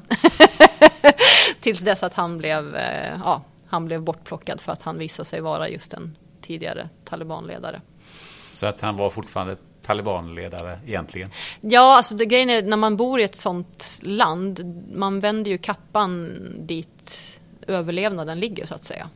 Så det vi i Sverige har som lojaliteter, det kan ske på, vi är så trygga i vårt rättssamhälle liksom. Medan där så finns det inget rättssamhälle. Och där handlar det om att få mat på bordet för dagen. Vad var det, om vi är inne på Afghanistan, eh, ändå. Vad, vad, vad lärde du dig mest eh, där? Vad var det du tog med dig hem därifrån? Att vi har det så fruktansvärt bra i Sverige. Bara att kunna ta en, eh, en dusch som är längre än två minuter. Eller att kunna gå ut på gatan utan att förvänta sig att det ligger en bomb i, i nästa hörn. Eh, att kunna dricka eh, rent vatten ur kranen Eh, att kunna få ordentlig sjukvård, att det finns vägar som man kan åka på. Eh, så allt det här som vi infrastrukturmässigt ta för givet. Som, som jag sa, det finns en rättsstat. Det finns ett eh, eh sjukvårdssystem där alla kan få sjukvård. Eh, man kan gå i skolan oavsett om du är en, en, flicka eller en pojke. Du blir inte bortgift när du är 14 om någon beter sig illa så finns det någon, ett system som så att säga tar hand om det. Det, det finns inte i, i, Afghanistan och i många länder för den delen. Så de här grundläggande som vi tycker är så här mänskliga rättigheterna. det, det är inte, det ska man inte ta för givet liksom. En annan sak man får hantera när man är där nere det är ju rädslor. Var, var du rädd någon gång där? Ja, massor med gånger. Um, rädd, men eh, man, man var... Jag var nervös, jag kunde känna stress. Jag tror att jag hade en kontinuerlig stress, underliggande stress. Just det här att du kunde gå fem meter utanför kampen eller fem kilometer eller fem mil utanför kampen och du, du var fortfarande en, eh, en risk för att kunna bli påskjuten eller att någon hade lagt en bomb eller att det var något annat som Det kunde ju vara en, en väg som kollapsade eller någonting. Det behövde inte bara vara aktörsdrivna hot liksom. Um, så rädslan låg väl i att det var en kontinuerlig alltså stress till att vad som helst kunde hända. Liksom. Och att du kunde, du kunde planera för mycket, vilket man, man gör. Eh, men du kan inte planera för allt och det är därför det var så viktigt. Vi, vi tränade ju jättemycket på alla möjliga scenarier. Liksom. Eh, så man är ju väldigt samövad och drillad när, när man åker iväg eh, i sitt team. Liksom. Ehm, så jag tror att någonstans, det är väl det man har med sig som soldat. Liksom. Att man, man är van att jobba i team, man är van att kunna ta hand om sig själv, man är kanske van att kunna ta hand om någon skadad. Och det har ju inte... Eh, ja, har man inte gjort värnplikten så kanske man inte man har den, eh, det tänket eller den förmågan att se till, eh, det är återigen problemlösning liksom. Hur ska jag ta mig ur det här? Hur ska jag överleva? Hur ska jag lösa det här på bästa sätt? Men var du med om någon incident där nere där du kände att det här hade lika gärna kunnat eh, gå åt pipsvängen? Ja, flera gånger. Ehm, det var jag. Eh, det som var läskigast var dock när min, min bror, min lillebror, han var också, gjorde insats. Han har gjort två insatser i Afghanistan. En gång före mig och sen var han iväg efter när jag gick på militärhögskolan. Eh, och han var sjukvårdare. Och de körde på en, en vägbomb, en stor vägbomb med sin, eh, en så kallad IED. Ehm, där han kunde eh, ryckt med så att säga. De klarade sig relativt väl. Deras förare blev skadad. Men det samtalet, det var nog, det var nog värre än att vara där själv. För att när jag var där själv då hade jag ju kontroll på situationen. Mm. Då kan man ju säga så här, ja visst de skjuter på mig men jag kan ju skjuta tillbaka. Eller det där är en farlig väg, det kanske ligger en bomb där. Ja men bra, då tar vi inte den vägen. Medan läser man då massmedia hemma så bara, ja det var en bomb som exploderade 50 meter från svenska kampen. Så bara, ja men 50 meter, det är ju jättelångt tänker man själv. Men för ens föräldrar och respektive som läser det, då blir det ju en helt annan miljö för att man man är inte där själv, du har inte kontroll på situationen, du ser inte vad som, vad som är. Och det är ju naturligt att man projicerar sin egen rädsla på någon man bryr sig om. Men eh, fanns det någon gång där du kände liksom att nu, nu lägger jag ner det här, det här hit åker jag inte mer?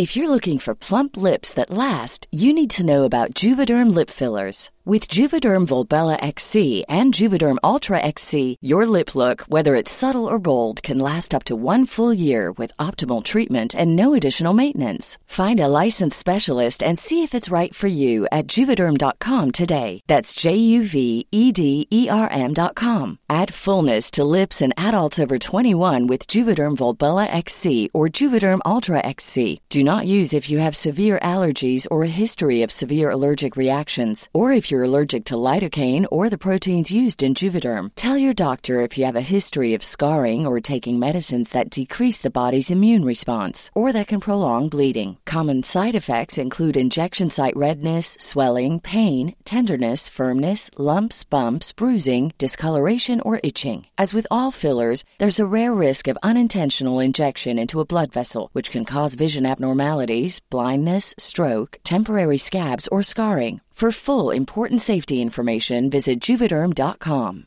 Ryan Reynolds here from Mint Mobile. With the price of just about everything going up during inflation, we thought we'd bring our prices down. So to help us, we brought in a reverse auctioneer, which is apparently a thing. Mint Mobile unlimited premium wireless. Ready to get 30, 30, bit to get 30, bit to get 20, 20, 20, bit to get 20, 20, bit to get 15, 15, 15, 15 just 15 bucks a month. So, Give it a try at mintmobile.com/switch. slash $45 up front for 3 months plus taxes and fees. Promo rate for new customers for limited time. Unlimited more than 40 gigabytes per month slows. Full terms at mintmobile.com. Cool fact a crocodile can't stick out its tongue. Also, you can get health insurance for a month or just under a year in some states. United Healthcare short term insurance plans, underwritten by Golden Rule Insurance Company, offer flexible, budget friendly coverage for you. Learn more at uh1.com. Nej, det gjorde konstigt nog inte det. um, och jag tror det handlar om att uh, ja, man var så inställd på att det kunde gå dåligt. En sak man gör innan man åker iväg det är att man skriver i det vita arkivet. Och det är egentligen en, ett dokument på hur jag vill ha min begravning. Och det gör man då i samråd med en präst eh, som kommer till förbandet. Eh, och så skriver man så här, men jag vill ha den här låten på min begravning, jag vill ha den här typ av eh, ja, men typ kista eller så speciella önskningar. För det är en del i processen av att du kan faktiskt omkomma när du åker iväg på den här insatsen. Så för mig var det en enorm mental förberedelse. Jag säger inte att, det, att jag ville dö, absolut inte. Jag ville komma hem helskinnad. Men man var medveten om att det här, det kan vara så att jag inte kommer hem eller kommer hem i en kista. Liksom. Men är inte det rätt läskigt att skriva en sån sak som ung person? Jätteläskigt, jätteabsurt. Men väldigt, väldigt nyttigt. Ja, men att jag reflekterar mina, mina mm. föräldrar som mm. är 94. Ja. De har skrivit i det ja, vita arkivet. Precis. Det känns ju ganska rimligt, mm. tycker jag. Eh, men att göra det, jag vet inte hur gammal du var när du åkte du? Hur gammal var du? 22. 22, att skriva i det vita arkivet när man är 22 mm. måste kännas ganska läskigt. Jätteläskigt, men eh, väldigt, väldigt eh, ögonöppnande. Vad sa dina föräldrar? De var inte nöjda. ja, men jag menar båda barnen. Ja. Eller var ni fler? Ni, har du fler syskon? Ja, jag har fler syskon. Men, ja. men eh, min... två syskon i alla fall i Afghanistan. Ja. Vad tyckte de om det? Eh, mamma var inte jättenöjd. Det var hon inte. Inte pappa heller för den delen. Eh, men jag tror också att det blir en... Eh, man, man får ju acceptera sina barns vägar liksom. Så vi, både jag och min bror, vi pratade ju väldigt mycket med mamma om det här att vi gjorde ju inte det insatserna för att vi ville råka, ut, alltså råka illa ut eller sätta oss i konstiga situationer utan vi, vi brann ju för det vi gjorde kopplat till att jag ville vara med att eh, ja, men upprätthålla Sveriges liksom, nationella intressen kopplat till att främja alltså, demokratiska värden i, i världen. För att terrorismen som fanns eller som finns i Afghanistan, att den inte ska komma till oss i Sverige. Var det värt den insatsen du gjorde och förändrade det någonting som du känner? Definitivt. Ehm, jag, jag växte ju väldigt mycket som person. Ehm, det var en jättetung, alltså det var ju jättejobbigt att vara, jag var borta i nästan, jag gjorde två insatser på raken så det var lite mer än 13 månader. Ehm, det var jättetungt och jobbigt, alltså både fysiskt och emotionellt och mentalt liksom. Men det var definitivt värt det sett till hur jag utvecklades som person. Sen fortsatte jag i Försvarsmakten och läste till officer och så vidare. Men sen också tittar man på, även om Afghanistan-insatsen som helhet, det jag uppfattar har upplevt som ett strategiskt misslyckande sett till vad vi gjorde och kanske mandatet som, som var. Det är ju en mer en säkerhetspolitisk diskussion. Ehm, men rent taktiskt, det jag såg och det jag och mina eh, kollegor gjorde på plats, det hade ju en jättestor positiv påverkan för förhoppningsvis alla vi mötte. Allt ifrån de afghanska poliserna vi, vi samverkar med, de eh, byäldstarna vi pratar med eh, och, och stöttade med olika projekt. Eh, exempelvis så den polisstationen som jag jobbade med Ehm, eller där vi var lokaliserade. Jag jobbade på en ganska liten kamp långt ifrån huvudkampen då. Eh, efter att den här korrupta polischefen hade slutat då eh, så anställde de tre stycken kvinnliga poliser för första gången just för att de såg att ja, men bland annat jag då och de eh, eh andra kvinnorna som jobbade då inom ISAF eh, eh, var på plats. Och det var för, för oss var det ju en, en jättestor eh, framgång.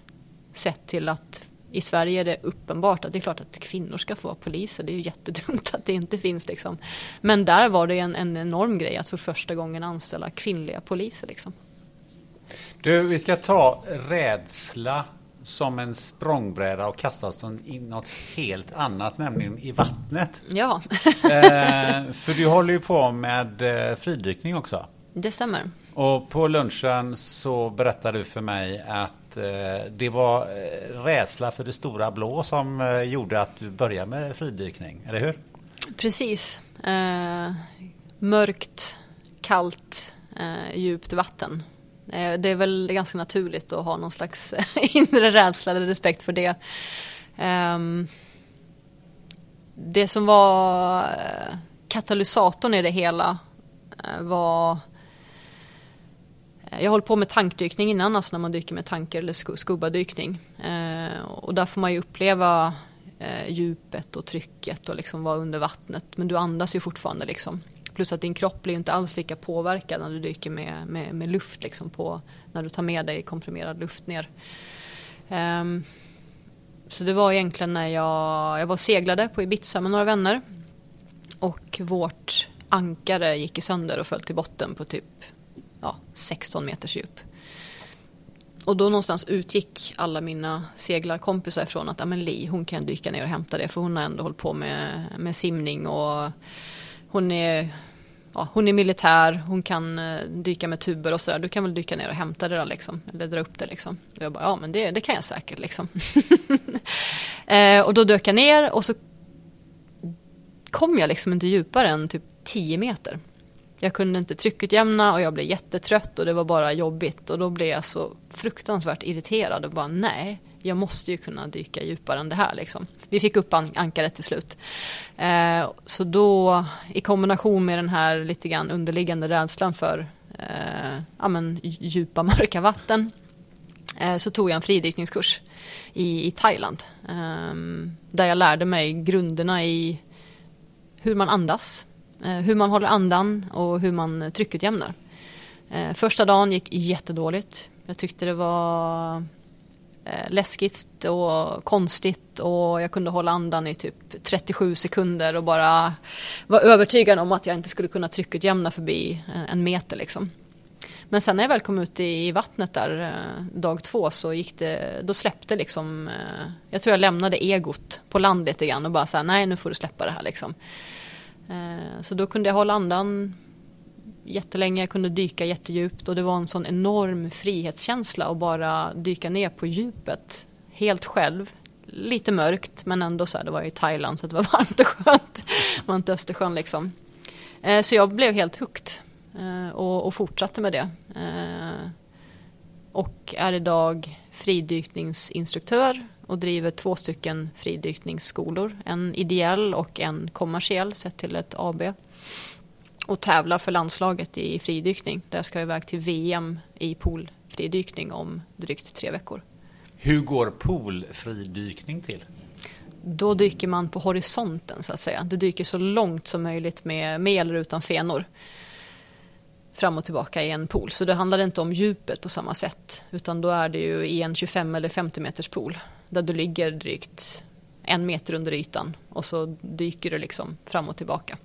Och någonting som kallar också det, jag har läst mig till att det är OS 2028. Ja, precis. Man får hoppas på det. Um, det, fridykning skulle, planen var att det skulle vara en gren redan 2024. Uh, ehm, men uh, det blev inte riktigt av. Så nu satsar ju då de här internationella fridykningsorganisationerna på att ha OS 2028 eh, i Los Angeles.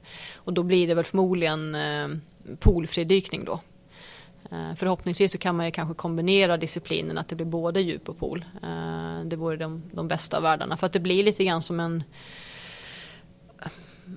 nästan som en, eh, en åttakamp kan man säga, Alltså att man tävlar i olika grenar. För djupet och poolen skiljer sig, även om det är samma fenor och samma teknik så är det fortfarande på djupet så är det ju tryckutjämning som ska till liksom, och hur väl kroppen hanterar det. Ehm, och det är väl det som är kopplat till att fridykning ses som en extremsport. Ehm, för att du är ju själv på djupet. När du dyker ner till 30, 40 eller 100 meters djup. Du har ju inga så att säga tankdykare som drar upp dig liksom, för att de kan inte vara nere så som, som vi är. Liksom. Så du dyker ju ner med dig själv och dina lungor eh, till botten och sen ska du upp igen. Liksom. Det är väl lite som bergsbestigning, att det är en sak att ta sig upp på berget, men att ta sig ner igen. Hur vet man hur djupt man kan dyka och samtidigt veta att man kan ta sig upp igen? Det handlar jättemycket om att dyka inom sin förmåga. Så exempelvis, eh, säg att du ska ut och springa en mil. Eh, du har aldrig sprungit en mil innan. Du kanske börjar med att springa toksnabbt två kilometer och sen slutar det med att du får gå 8 kilometer. Och det är ju tråkigt. Eh, grejen är att du kan inte göra detsamma med, med fridykning utan där får du kanske börja med att springa en kilometer. Och sen får du öka till en och en halv och så vidare. Så att när man dyker, säg att jag kan dyka till 30 meter, då kanske jag ökar med max 5 meter eller 3 eh, meter åt gången. Eh, efter att jag har genomfört fem stycken eller fyra stycken 30 meters dyk där jag känner att det här går jättebra. Och sen är det kopplat till de alltså fysiologiska förändringarna som sker på kroppen också. Att kroppen påverkas jättemycket av det trycket som blir bara förbi 10 meter. Då har du dubbla trycket jämfört med ytan, alltså två bar. Där alla dina luftutrymmen trycks ihop. Så för, för inte alls många år sedan så trodde man ju att man inte kunde dyka förbi eh, 30 meters djup. Att lungorna skulle implodera då just för att du går förbi en viss Eh, trycknivå som man inte trodde att kroppen skulle klara av. Sen var det någon som dök förbi 30 meter och bara, ja, nej, men det gick ju bra. och det var ju då man började inse att, jaha, eh, hur funkar det egentligen? Eh, och då är det ju så att alla människor, vi är ju däggdjur och alla däggdjur har en så kallad dykrespons. Och då har vi eh, inte reflexer, men en respons som gör att vi konserverar syre och hanterar det trycket som vi utsätts för eh, för att kroppen ska överleva eh, ett sånt, den miljön så att säga. Så alla har en, en dykrespons, den så kallade mammalian diving reflex eller respons. Som gör att eh, vi kan hålla andan längre i vattnet än på land va? Precis, exakt. Um, stoppar du huvudet i, i vatten eller bara sprayar kallt vatten i ansiktet så kommer din puls att sänkas. Mm, intressant. Så det är ganska bra om du behöver så här lugna ner dig eller ta ett samtal så kan du ta lite kallt vatten i ansiktet. Uh, men hur blir man bra på fridykning? det är som alla andra sporter, du utövar det kontinuerligt eh, och eh, tycker om det du gör. Eh, för att när du håller andan så har du så mycket eh, processer som sätts igång i hjärnan som säger åt dig att bara, hörru, lägg ner, sluta. så att vara emotionellt och mentalt motiverad att pressa dig förbi det som är kanske eh, din, din upplevda begränsning sett till eh, andhållningen är, är jätteviktig. Jag skulle säga att den är vik, mycket viktigare än, än det fysiska. För det, det får du lite grann, missförstå mig rätt, gratis på grund av den här exempelvis dykresponsen. Då. Eh, så det jag hade med mig när jag började dyka, det var ju, jag var ju ja, men ganska mm, förberedd fysiskt. Jag har alltid tränat mycket och eh, ja, simmat en del och så vidare och, och dykt. Men jag var ju inte mogen rent eller vältränad rent emotionellt och mentalt. Och det har ju varit de delarna som jag har fått jobba mest med nu när jag har valt att satsa som atlet. Där min mentala träning med min coach som jag har, eh, det är ju nästan, jag skulle säga att det är drygt 90% av det som jag jobbar mest på. Fanns det någonting du tog med dig från, eh, från MUST eller din, din militära bakgrund när det gäller det mentala? Definitivt. Eh, jag tror att eh, jag nämnde ju att det gick ganska snabbt att hålla andan väldigt länge och grejen är när, när du dyker eh, säg att du ska dyka ner till 10 meter Eh, man räknar med att det tar ungefär en meter per sekund. Så att egentligen så ska ett dyk på 10 meter upp och ner ta ungefär 20-25 sekunder. Så att kan du hålla andan i 30 sekunder så ska du rent så här eh, vetenskapligt kunna dyka ner till 10 meter. Liksom. Eh, men det handlar, för mig handlade det om att det var okej, okay, att det var obehagligt. Att man kanske var van vid att pressa sig förbi det som var ens comfort zone och även det som man upplevde vara bekvämt. Eh, så det handlar inte om att det ska göra ont. Det gör inte ont att hålla andan. Gör, man, gör det ont, gör man fel. Ehm, men att uppleva det här obehaget sett till att man kanske är utmattad, du kanske är eh, trött eller eh, eh, omotiverad eller eh, har en dålig dag. Eh, men du ska ändå prestera. Och då gäller det lite grann det här med att man, eh, man, man stänger av hjärnan, man stänger av mindet, man stänger av egot och så, och så kör man på liksom. Så det har jag definitivt tagit med mig. Någonting som jag har känt när jag har hållit andan eller man har simmat en längre sträcka under vattnet. Det, är lite, det finns någon sorts panikkänsla som man får på, på slutet där. Hur hanterar man den? Det är just eh, det som händer då. Det är att din koldioxidnivå i, i kroppen stiger. Så när du håller andan då är det inte syrebrist som gör att du vill komma upp och andas. Utan det är ju att kroppen vill släppa ut den koldioxidmängden som är. Och då har du eh, receptorer i hjärnan som uppfattar det och så säger den åt hjärnan att eh, hörru, det här är jättedumt, du kan typ dö. Vi ska inte dö, upp med dig liksom. Ehm, och då handlar det om att pressa sig förbi den känslan. Och det är mycket då det här emotionella mentala kommer in i en kombination med en medvetenhet om att um, jag har inte syrebrist. Jag kan hålla andan si och så här länge. Och jag vet att jag kan dyka så här djupt. Så att det är jättemycket så här mentala förberedelser till att, att man programmerar hjärnan helt enkelt. Så inför varje djupdyk som jag gör, inför varje långdyk som jag gör, så visualiserar jag mina dyk kopplat till de känslorna som uppstår, eh, vad det doftar kring mig, eh, hur det känns när jag tar på mig våtdräkten, eh, hur kallt eller varmt det är i vattnet, eh, känslan jag har i kroppen. Eh, så när jag väl ja, genomför dyket på riktigt sen, då har jag redan visualiserat att jag gjort det framgångsrikt, kanske fyra, fem gånger. Så mitt riktiga dyk, det är dyk nummer sex enligt mitt huvud som, redan, som jag redan lyckats med på ett sätt. En av våra främsta fridykare är ju Anneli Pompe. Jajamän. Och då pratade vi rätt mycket om rädslor och om, ja men även om döden. Mm. Eh, och, och, hon sa till mig så här att eh, ja men den dagen eller när jag lärde mig att inte vara rädd för döden så dök jag djupare.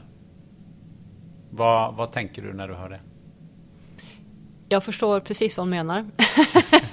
för att tänker du på döden, tänker du på det hemska, eh, tänker du på dåliga saker överhuvudtaget, eh, har du en dålig känsla med dig när du går ner, eh, då blir den förstärkt gånger en miljon när du, har, när du håller andan. För det är, ju, det är ju kroppens självförsvar så att säga för att den hjärnan vill inte dö liksom. Eh, så det handlar om, precis som Anneli sa, om att kanske förstärka det positiva med att, att ha en livskraft i att eh, ja, jag älskar det jag gör. Eh, jag dyker för att det är fantastiskt eller jag tävlar för att jag älskar det. Jag vet att min kropp klarar av det här. Så att man, man förstärker med positiva ankare eller känslor för att det ska vara så bekvämt som möjligt. Så att döden är väl den mest Eh, extrema negativa känslan som man kan ha. Sen kan det vara eh, små negativa eh, känslor och, och, tankar som dyker upp också, också. Men att de förstärks än mer just när man, när man håller andan. Jag tänker göra en återkoppling där till eh, Afghanistan. Finns det någon, någon, någon likhet där? För att jag kan tänka mig att du hade eh, en hel del rädslor eller som, vi, som vi var inne på. Finns det någonting som, som du även där tog med dig och som du tar med dig in i bassängen? En så här tanke, eller ja, inte en tankeprocess eh, men en, eh, en del i min eh, så här atletmentalitet om man kan uttrycka sig så. Det är att i Afghanistan, då har du en, en stridshjälm på dig som, som skyddar dig mot splitter och så vidare. Oftast har du ditt telekomsystem där också, eller så här, radio och så vidare. Eh, när jag dyker, då brukar jag tänka att jag tar på mig den här hjälmen, fast det är liksom min dykhjälm då. Eh, för då går jag in i min roll, där jag har planerat mitt dyk, jag är, jag är förberedd och oavsett bruset och hoten som finns på utsidan Eh, och kanske de rädslorna eller den nervositeten som finns, eh, de kommer fortfarande finnas där. Men jag lämnar lite grann dem vid, vid ytan liksom. Så när jag andas upp för ett dyk eller förbereder mig för ett dyk. Då är det lite grann som att då tar jag återigen på mig den här hjälmen. Och då spelar det ingen roll om det är på ett världsmästerskap eh, där det är massa högtalare och det är kanske människor i bakgrunden och det brusar och det är nervositet. Eller om det är eh, ute till havs när det är stora vågor och så vidare. För då, då zoomar jag in på, på det jag gör i min, i min hjälm. Och sen så när jag väl dyker då är det oftast en mycket skönare känsla att vara under vattnet än, än, på ytan lite grann. Precis som att det är mycket skönare att ta på sig hjälmen och sin skyddsutrustning när du är en sån hotfull nivå. För att då känner du dig mer förberedd och du har mycket mer eh, kontroll. Och du, på ett sätt så bidrar ju det till din, din avslappning i att du kan göra så mycket mer i den eh, hjälmen som du har på dig så att säga. Men det tycker jag lät eh, väldigt fint och intressant samtidigt. För det kanske vi alla skulle behöva ha den här. För det är någon sorts mental hjälm som du tar alla på gånger, dig. Ja, definitivt. Det är kanske någonting vi alla skulle behöva ta på oss och kunna ta på oss då och då. Jag tror det. Alltså, det är väl höjden av eh, mindfulness lite grann. Att så här eh, bejaka sin omgivning och att inte eh, dras med i den i bemärkelsen att få panik i att du inte kan göra allt. Utan du kan, det enda du har kontroll över det är ju det som du, du tänker och känner egentligen. Eh, och det är ju det som den här mentala eh, coachningen handlar om. Eh, som min, min coach hjälper mig jättemycket med. Vad, vad kan du påverka här och nu? Och det kan ju vara att du ska löneförhandla ja, men sätt då på dig din löneförhandlarhjälm och så gör du det bästa du kan utifrån den situationen.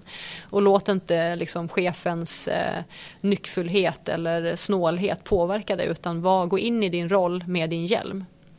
Och var så planerad som du bara kan gå in i din, i, i, din roll med din hjälm. Det tycker jag var ett eh, väldigt bra eh, eh, avrundningsord på det här eh, samtalet. Du, hur, hur har det känts att prata, sitta här och prata? Kanonkul. Eh, det kändes ändå som att jag hade en, en del kanske bra saker att ja, men prata om. Eh, och sen det, det återkommande kanske är alltifrån MUST till säkerhetstjänst och fridykning. Jag tror det handlar om, för mig mycket om att eh, vara medveten om sitt nu liksom.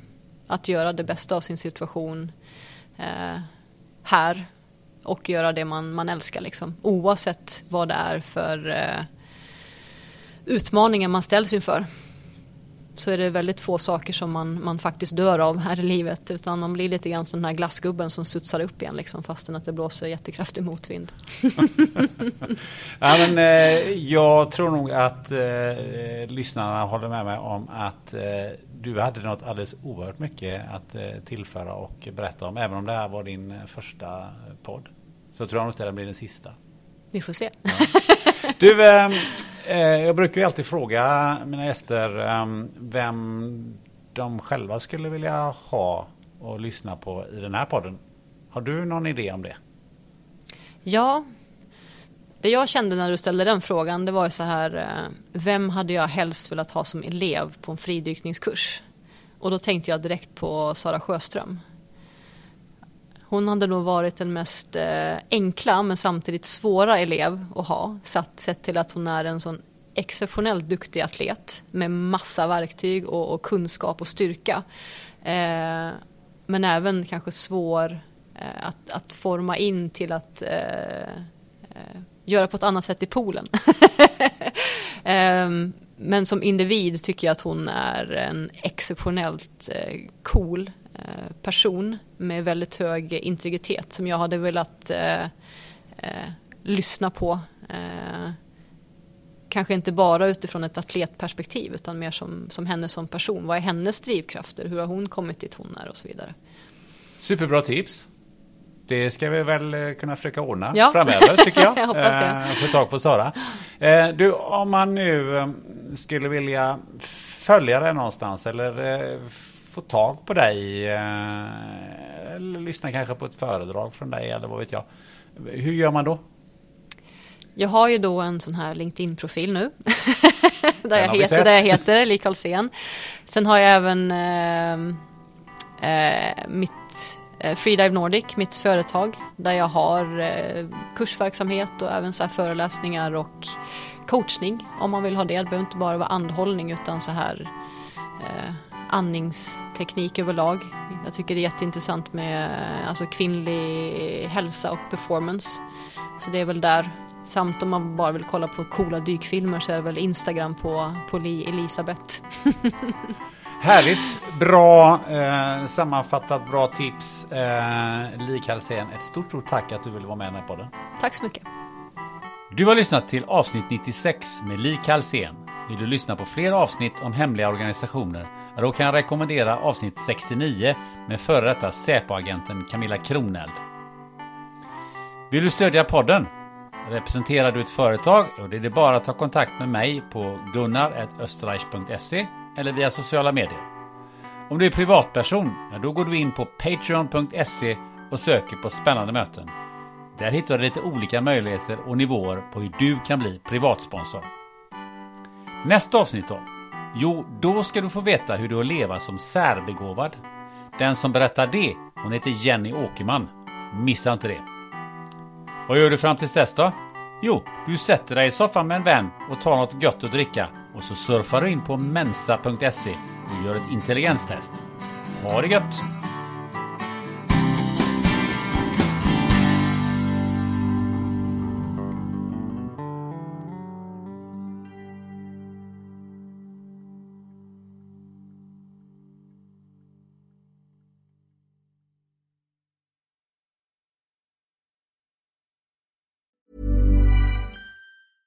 Ever catch yourself eating the same flavorless dinner three days in a row? Dreaming of something better? Well, HelloFresh is your guilt-free dream come true, baby. It's me, Gigi Palmer.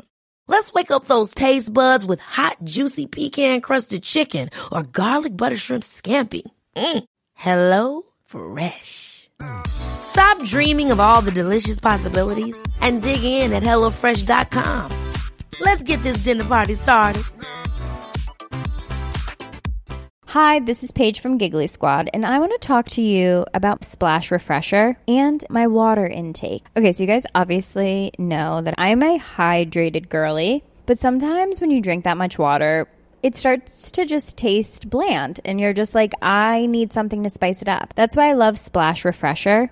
It has zero sugar, zero calories, and it's a splash of sweetness. And they come in five different flavors. They're so good. Wild berry, acai grape, pineapple mango, lemon, and mandarin orange. My favorite is the wild berry because I just I just love a berry. So if you're like me and you're drinking water all day, then try Splash Refresher. It's going to absolutely change your water game and it's good for you.